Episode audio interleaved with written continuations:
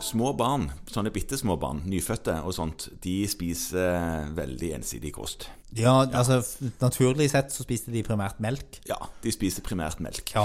Veldig kjedelige i matveien. Etter hvert så utvikler det seg, og med nye matvarer, og etter hvert så er det noen som får litt sånn ubehag i magen når man introduserer nye ting, og foreldre kommer og er engstelige for om det er normalt at det er sånn, eller om det er et eller annet dette barnet får i seg som de ikke tåler. Ja. Og etter hvert, hvis dette vedvarer, så blir det etter hvert spørsmål om det er en eller annen form for intoleranse eller allergi. ja. Det primære spørsmålet er vel ofte om det er en allergi. Ja da, ja da det er sant det. det, det, det, det Fordi at allergibegrepet er litt vanskelig. Ja, det er kjempevanskelig. Det, Ja. det, det er jo vanskelig for alle, til og med for eh, oss noen ganger, fordi det er forskjellige sånne allergiske mekanismer Ja. som ligger til grunn. Og når allergi er vanskelig for legene, så blir det i hvert fall ofte vanskelig for pasientene. Ja, Ja.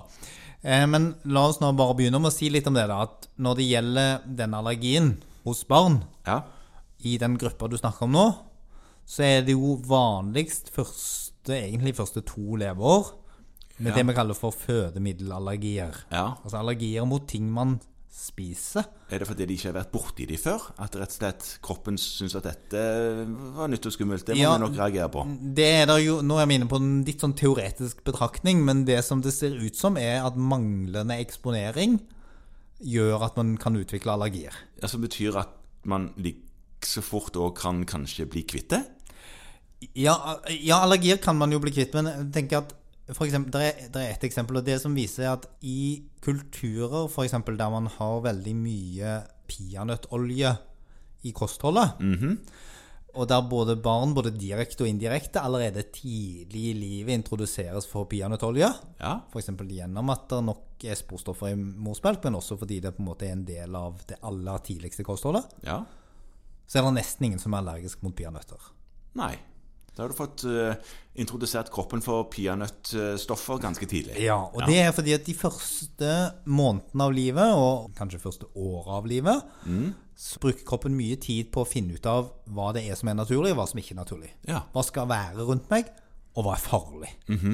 Og når vi er allergiske mot noe, så er det jo fordi kroppen tar feil og tror at dette her er noe farlig, og lager en immunrespons. Ja. Sånn at det å bli eksponert for det vi kaller for allergener, da, eller ulike proteiner, som det det oftest er, Mhm. tidlig, kan forebygge allergi. Nå betyr det jo ikke at man skal rulle denne ungen rundt i en kombinasjon av pelsdyr og potensielt farlige matvarer. Nei, peanøttolje og pelsdyr hadde jo vært en ganske grei sånn rom å sperre ungen inne i et lite, en liten stund i barndommen og der. Eksponeringen er vanskelig, men, men det, er, det er mye sånn forskning og teorier rundt dette. Kanskje noen bier òg kunne vært og veps sånn inni det rommet. Da hadde Nå, du nå, nå spart begynner mye. du, så tror jeg du får problemer både med barnevernet og med etisk komité. Så det, det tror jeg stort verre enn dette kan du ikke gjøre det for deg, Morten. Men, Nei. men det som i hvert fall er poenget, er at vi får mye spørsmål om det. Og, og når vi da snakker om disse tidlig, så er det ofte matvareallergier. Og i, i vår kultur, sånn denne her Stavanger-kulturen, så er det jo ganske ofte melkeproteiner Mm. de reagerer på. Men laktoseintoleranse, da? For det er jo det mor og far eh, lurer på. Ja, det får man jo da senere. Altså, Så lenge de ammer, så er de jo ikke laktoseintolerante. Hvorfor ikke det, du? Nei, det er vel laktose i den melken også, da. Ja, Mhm. Ehm, så laktoseintoleranse det skyldes jo at man mister et enzym i tarmen. Miste det? Ja, det- Hadde man det, og så forsvinner det? Ja, alle har det når de blir født. Ja. Og så normale mennesker mister det etter hvert som de blir eldre. Eh, altså mennesker som ikke er kyr, liksom. Ja, Ja. altså det er det min venn, vår studievenn Kristian sa, for Ja. han var laktoseintolerant. Ja. Han sa at dette er jo jeg fordi jeg ikke er raute. Ja. Ja. Sånn er det. Ja. Og eh, altså, normale mennesker, de fleste som ikke er kaukasere, pluss noen få andre u- urfolksstammer, Mhm. de mister gradvis evnen til å bryte ned melkesukker etter hvert som de blir eldre. Snakker du om deg sjøl nå? Ja.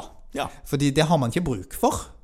Nei, nei i i utgangspunktet ikke fordi Biolo- man skal slutte med denne melkegreien. Ja. Ja. Den slutter man jo med ganske tidlig. Ja. og laktase er da et enzym man egentlig ikke trenger, med mindre man har tilgang på kyr. Og så kommer man på i eh, vår eh, voldsomme visdom en eller annen gang når man begynte å dyrke jord, at eh, hei, dette dyret lager melk, det kan vi kanskje drikke. Ja, kyr og sauer og, Ja, og sånt. og så geit videre. og ja, sånt, Ja. Så Derfor er det ganske vanlig å miste det. Men det er noe man mister i hovedsak når man blir eldre. Ja. Så i denne førskolegruppa ja. så er tallmessig sett altså Vi vet jo at verden er full av unntak, men tallmessig sett så er allergiene mye hyppigere enn intoleransene. Mm. Intoleransene er mye mindre eh, farlige. De gir ho- i hovedsak lokale symptomer, altså i form av magesmerter, luft og diaré. Mens allergier kan jo gi alle mulige immunresponser. Fordi Ja. at det betyr at man tar opp melkeproteinene. Og at de seiler rundt i kroppen og lager en allergisk reaksjon der de måtte slå seg ned. Så det Ja. kan gi kløe og Noen ganger gir det bare sånn generelt utilpasse barn fordi Ja. de går rundt og føler seg syke. ja. Og da går det an å ta tester, blodprøver eller prikktester. Men den eneste virkelige testen, som vi har sagt om for mange andre allergier, På kjøkkenbenken. ja, Eller i hjemmemiljøet. fjerne alle melkeproteinene fra kosten i en periode. Hvis barnet da blir helt friskt, så reintroduserer man noen melkeproteiner og ser om reaksjonene kommer tilbake igjen.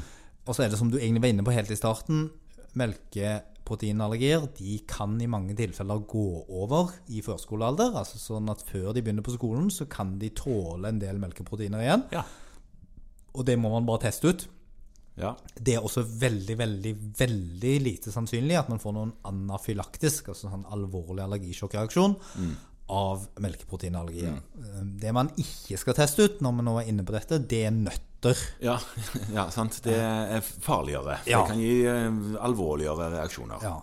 Men gentester du for laktoseintoleranse? Siden Ja. du sa at dette er en sum som forsvinner, er det, noe, er det noe gen som man har som bryter ned laktose, da? Ja. Ja. Og der er en Eller, gente- Genet bryter jo ikke ned noen ting som helst. Nei. Men det er kode for et enzym, Ja, et protein, det som er en gjør det. gentest man kan ta for dette. Eh, Den viser, hvis den slår ut, så viser den en disposisjon Mhm. for å utvikle laktoseintoleranse. Og så vil det da være sånn at eh, den testen, den holder det å ta én gang for genene de Endrer seg veldig, veldig sjeldent, da. Ja. Det er mer sånn evolusjonistisk perspektiv på det De gengreiene. holder man som oftest gjennom ett liv. Ja.